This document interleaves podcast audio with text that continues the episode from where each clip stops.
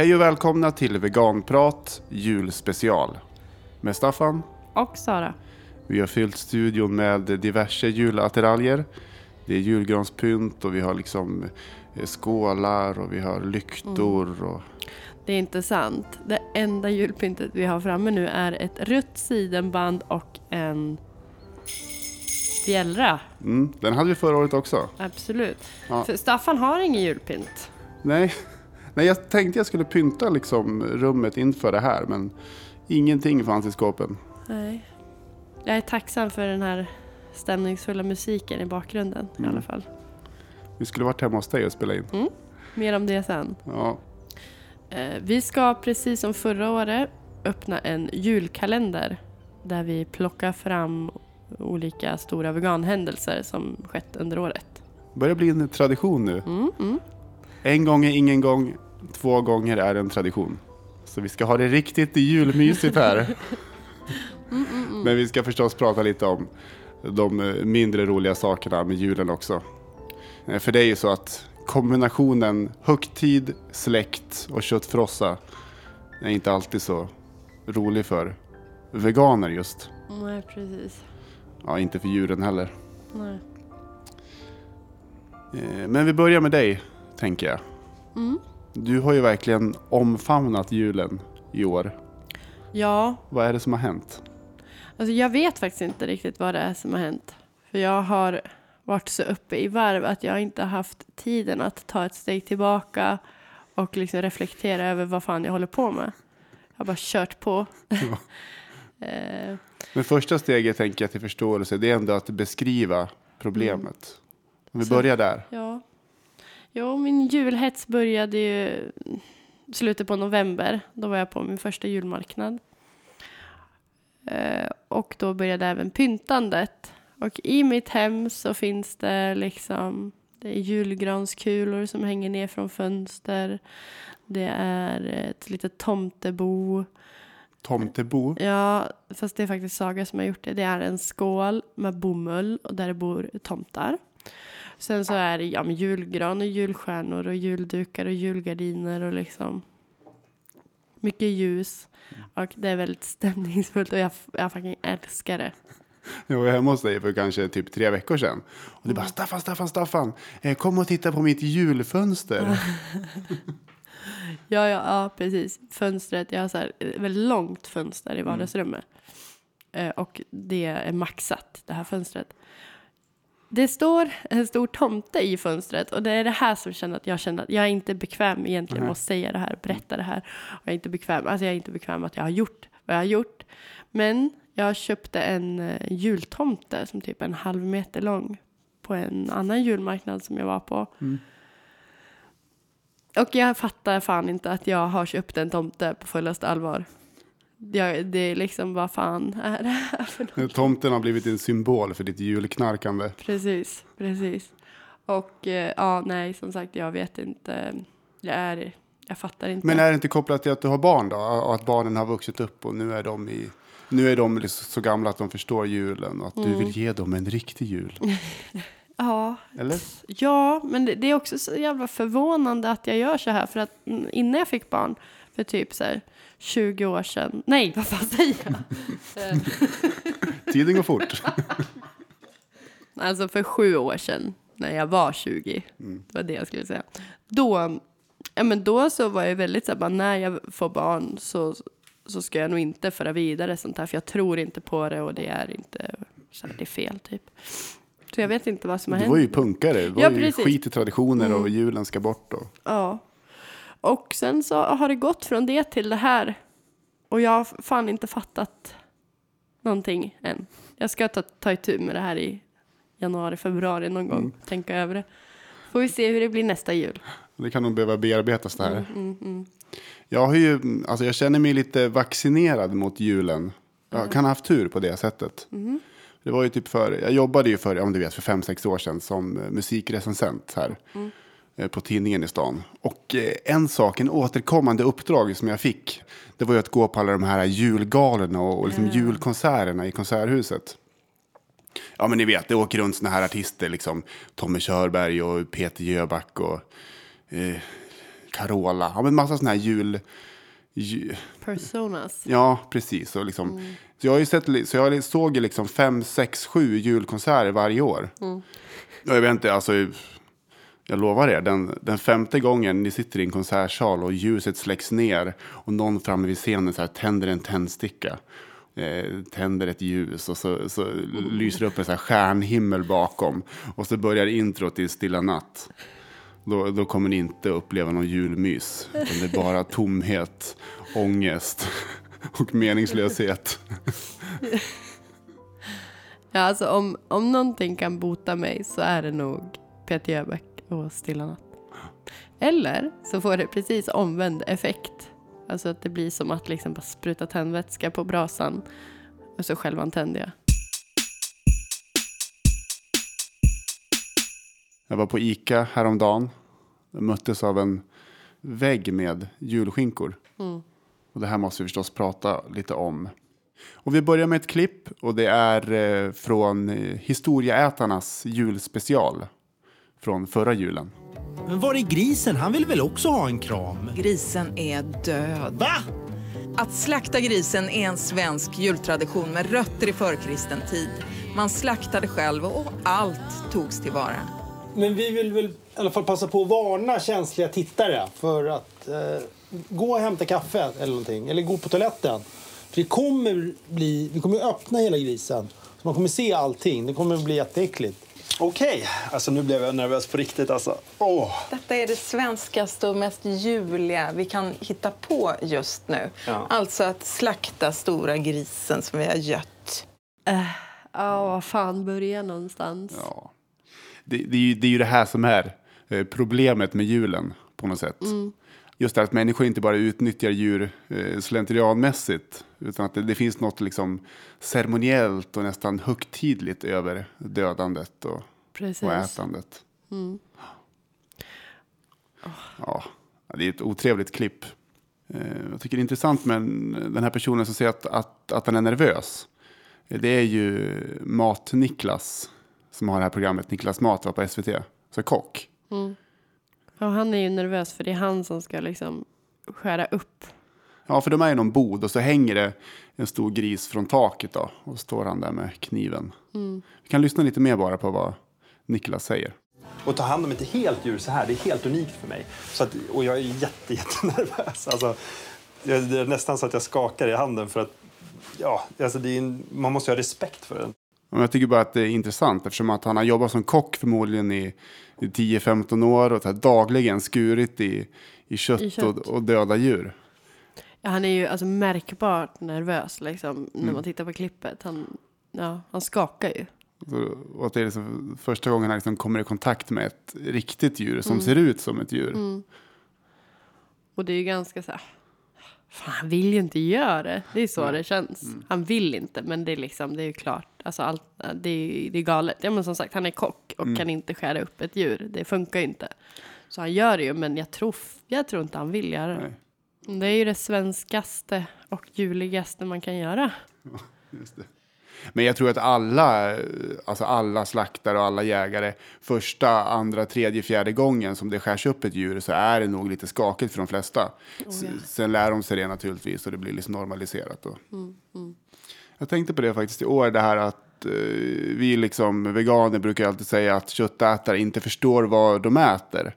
Att liksom köttet blir nästan abstrakt. Att man köper fläsk och nöt. Och eh, när man sitter vid måltiden så äter man kött, man äter inte ett djur. Men, men i juletid så liksom fördjurligas ju köttet på något sätt. Det är väl bara att det är sån hets kring grisen. Och att det visas bilder på liksom riktiga grisar och det här trummas in och så, så himla hårt. Men samtidigt så känns det som att folk tänker till en extra gång när det kommer till just julskinkan. Att liksom, ja men det har blivit en gris, det har blivit ett djur. Det är inte kött, det är ett djur. Och då är det ändå viktigt att det här djuret har haft det bra. Att man köper ekoskinkan eller sådär. Jag tror att det är så i alla fall. Jag, ser- jag kommer ihåg från förra julen så reagerade jag på det på, i newsfeedet. Att det ändå var så här. Tänk till en extra gång när ni köper er julskinka så att ja, det är en, en glad gris som Ja. har satt livet till typ. Ja men så är det och, och även i spåret av de här djurrättsalliansen, Mitt liv som gris och allt det Precis. där så har ju det, så gör människor den kopplingen väldigt tydligt. Mm. Men det finns ju till och med sådana här grupper jag har sett på fejan, typ vi som bojkottar julskinka. Alltså köttisar som äter allt annat förutom julskinka för att det känns för jobbigt. Ja, Det känns ju som ett väldigt så här, tydligt tecken på att, att eh, där blir det direkt en känslomässig koppling och då blir det ett problem. Det är liksom första steget mot att ifrågasätta hela. precis. Mm. Och sen finns ju alla veganer som ser julen och julborden ur ett lite annat perspektiv. Kan man säga. Jag har varit vegan i tre år. Och första julen så var det nästan, ja, det var nästan chockartat. Hela december kändes som en lång skräckfilm mellan julbord och jag satt och skakade på diverse tillställningar. Men sen eh, förra julen så kändes det lite bättre. Jag klarade av det och, liksom, och nu i år så tycker jag att ja, nu är det väl ingen fara. Jag var på något julbord till exempel nu med, eh, med syndikalisterna. Och då satt jag åt, ja, min, fick en vegan tallrik. Men då satt jag bara och pratade som vanligt. Tänkte på det, det är kul i våran lokal. Det är alltid röda vimplar överallt och, och röda flaggor. Vänsterrörelsen och julen har Går bra ihop. ja, samma symbol, eller så, samma färg. Så det kändes som att det var julpyntat.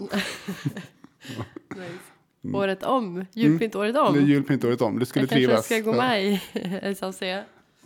För mig så är det nog lite tvärtom. Att det var lättare i början av min veganism och har blivit svårare. Ja, vi går åt olika Mm. riktningar. Eh, nej men för det senaste, den senaste släktmiddagen jag var på var skitjobbig. Nu kommer jag inte ihåg om det var i påskas eller förra julen. Men då led jag verkligen. Jag var jätte, jättearg eller så passive aggressive och bara typ deltog inte i samtal. Men jag åt liksom i, ja, i tysthet och när jag var klar med maten så avlägsnade jag mig typ till ett annat rum. Och, satt, och då kommer jag ihåg att jag bara försökte trigga dig eller liksom få igång dig. Men du var som, alltså, ja. Alltså du var ju ändå så här, ja jag, jag förstår dig men jag, stå, jag märkte att du inte upplevde det som jag. Så jag vet inte, eller så är det väl bara Kan vara lite dagsform vara, ja, också. precis. Det är nog mycket det. Liksom, hur, hur är det idag? Hur, ja, hur är allt annat? Men det är ju inte bara veganer som tycker att det här med julen och julmat kan vara lite påfrestande. Det finns andra som också tycker att det är lite kämpigt och vi tänkte ta ett exempel på det. Vi har hittat ett inlägg på forumet Familjeliv som skrevs förra julen. Eh, rubriken är Jul utan kött? Frågetecken, frågetecken och signaturen är orolig förälder. Och Audrey som brukar läsa in texter åt oss är julledig. Så istället är det Kenneth som läser. Jag och mitt ex har delad vårdnad för dottern och det har funkat bra. Vi kommer överens, men för några månader sedan träffade hon en ny kille som är vegan. Detta har lett till att mitt ex blivit vegetarian, nästan vegan alltså. Och när dottern är hos dem äter hon bara vegetariskt. De har till och med tyckt att jag ska sluta ge dottern kött. Men nu till mitt värsta problem. Vi har dottern varannan jul och i år är det mitt ex som ska ha dottern över julhelgen. Då får jag veta att de inte ska äta julmat under julen utan vegansk mat. Jag vill att min dotter ska få en riktig jul och inte någon alternativ jul. Hur ska jag göra? Mitt ex lyssnar inte alls. Kan man kontakta socialen och få hjälp? Jag tycker dottern borde vara hos mig om de inte ska fira en riktig jul. Man tror ju nästan inte att det här är på riktigt. Nej, det, det är inte fake.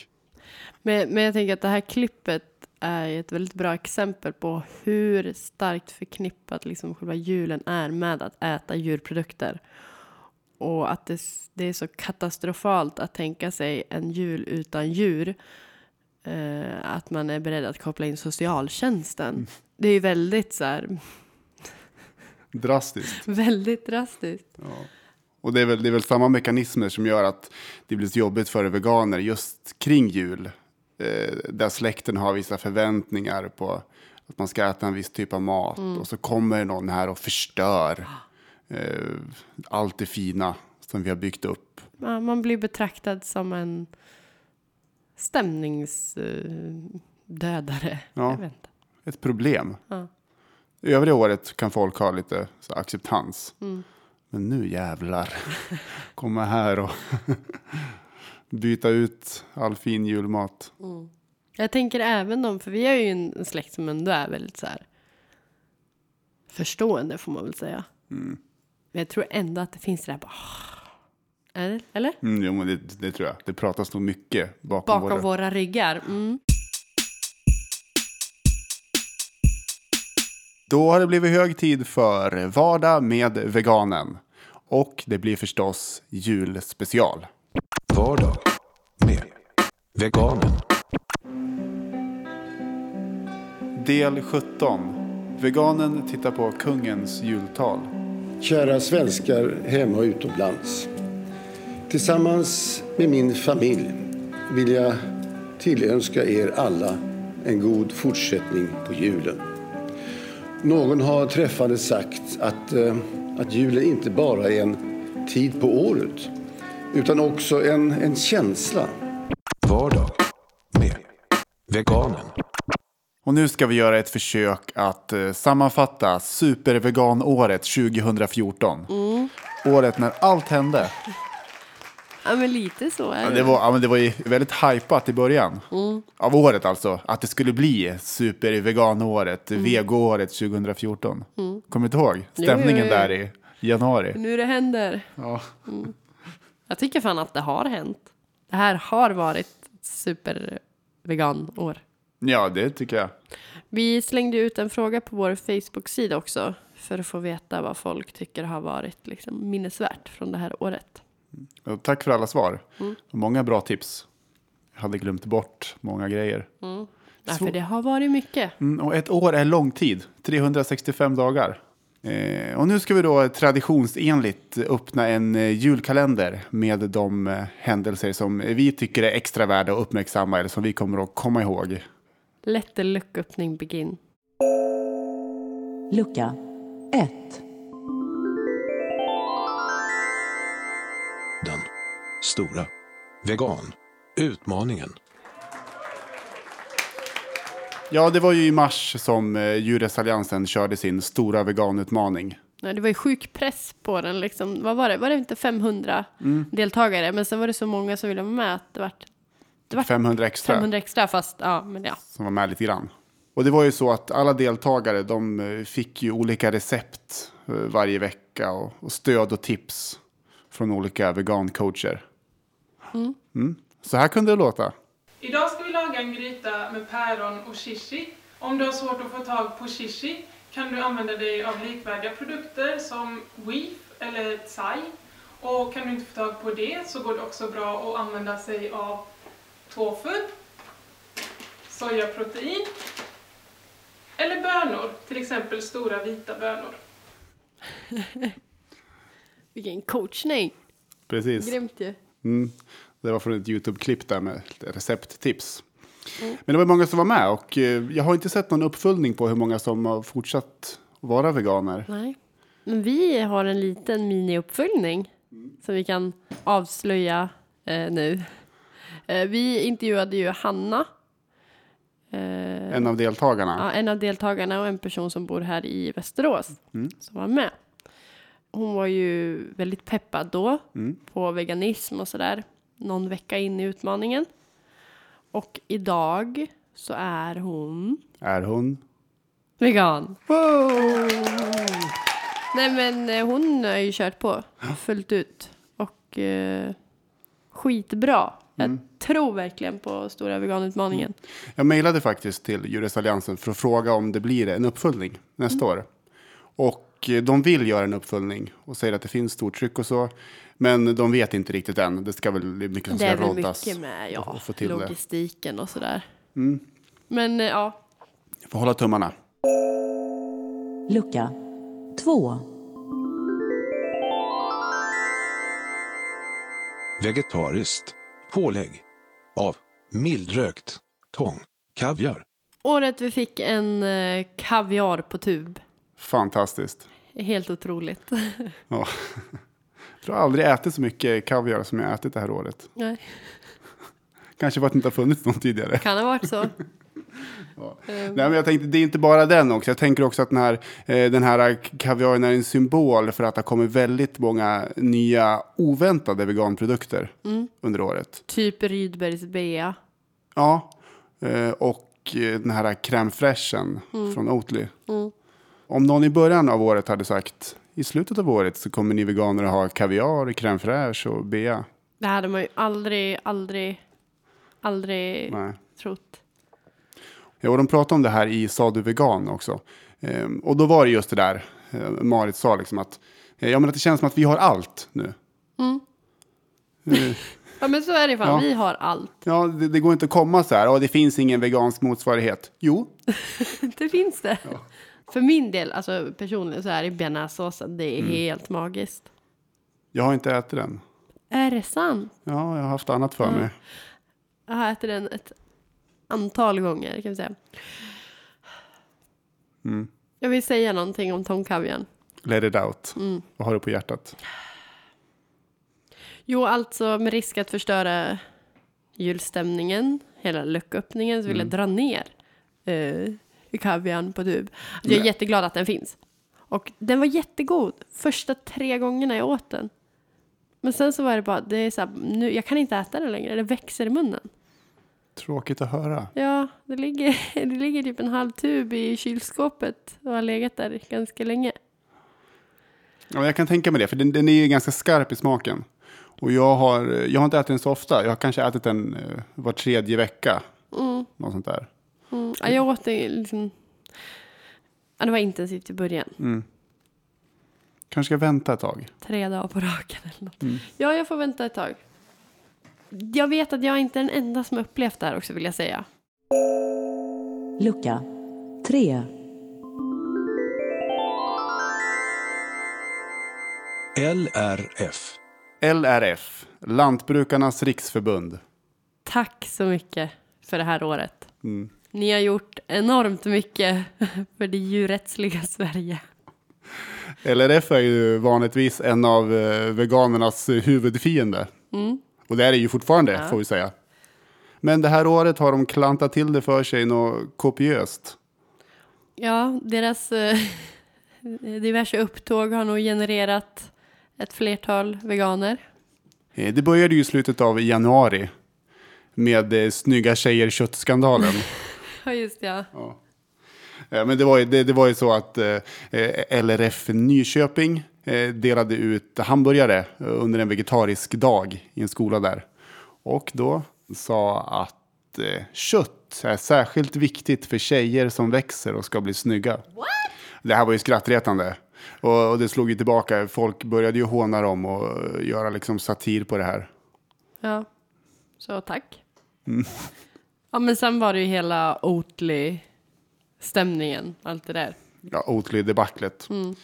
Det var egentligen organisationen Svensk Mjölk som stämde Oatly. Men LRF stod bakom den. Och sen organiserade de om sig. Så LRF Mjölk tog över stämningen. Och det var också så här skitbra. Ja. Kommer du ihåg vad de vände sig mot? Vi vänder oss emot till exempel eh, påståenden som no milk, no soy, no badness som de skriver på sina produkter eller påståenden som it's like milk but made for humans. Det blir aldrig gammalt. Det kommer aldrig bli gammalt. Ja, vi, vi pratade ju om det här jättemycket i vårt mm. för, förra avsnitt. Ja, men tack. Ja, det finns inte så mycket mer att säga. Nej. Skitbra. Vi får hoppas på ännu fler dumma utspel nästa år. Det kommer. lucka 4, Unga. Feminister. Det här är en av, alltså för min del så kommer jag ihåg att jag varit så jävla glad över det här. Det är en av de grejerna som jag reagerar starkast på. Ehm, Ja, det var ju så att Unga Feminister, som är ett feministiskt initiativs ungdomsförbund, eh, de antog en policy om att inte köpa in några animaliska produkter för förbundets pengar. De blev veganer, helt det är enkelt. Mm. helt enormt egentligen.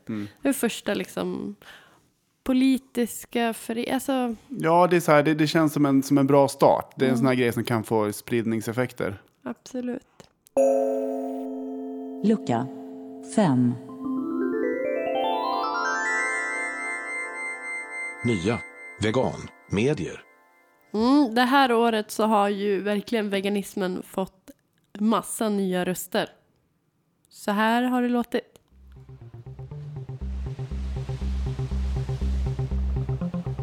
Hej och välkomna till Sa du vegan? Premiäravsnitt. Kommer en jingel där?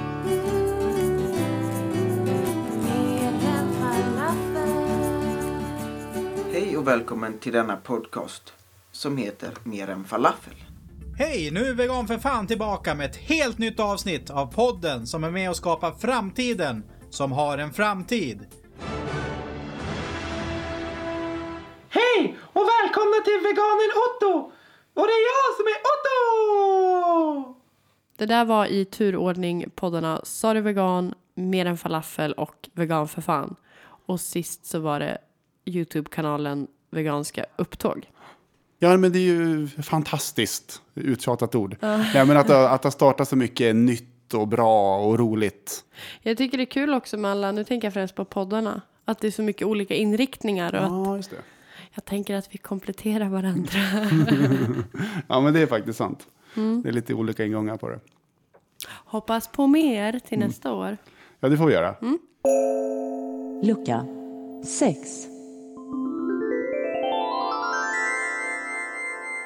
Läkare. För framtiden. För er som kan ert 2014. eh, Så ja, jag förstår att ni reagerade lite Direkt. här. Direkt. ja. Det var ju så att Läkare för framtiden eh, bildades i december förra året. Men det är ändå så nära tycker jag. Ja, Och det är så viktigt. det är faktiskt jätteviktigt. Eh, och Läkare för framtiden, det är ju då en organisation som förespråkar vegetarisk eh, kost. De har skrivit jättemycket debattartiklar under året i flera tidningar om hälsofördelar och, eh, med grönsaker. Och, och motsatsen då, liksom att, att kött och så kan liksom leda till sjukdomar, hjärt, hjärtsjukdomar oftast. Va? Mm. Och det är så skönt att de finns nu. Så att man kan, så fort det blir något problem, jag vet inte, när man har kontakt med myndigheter eller bara när någon kommer och säger att vegetarisk kost inte är så bra, så kan man bara hänvisa till Läkare för framtiden. Eh, och jag tänker också att de har ju bidragit till att, jag vet inte, det är någon stämning i samhället nu, det håller på att svänga lite. Så att nu börjar det bli mer och mer liksom eh, common knowledge eh, att vegetarisk mat är nyttig och att man inte får näringsbrist och dör. Precis. Vilket ju faktiskt är väldigt positivt för hela djurrättsrörelsen. Ja, Man behöver inte börja där och förklara att man, att man inte kommer dö. Nej, Mm. man kan gå direkt på etiken. lucka 7, Alla nya veganer. Bjällerklang för alla nya veganer. Ja. Det viktigaste är ju ändå att folk blir veganer.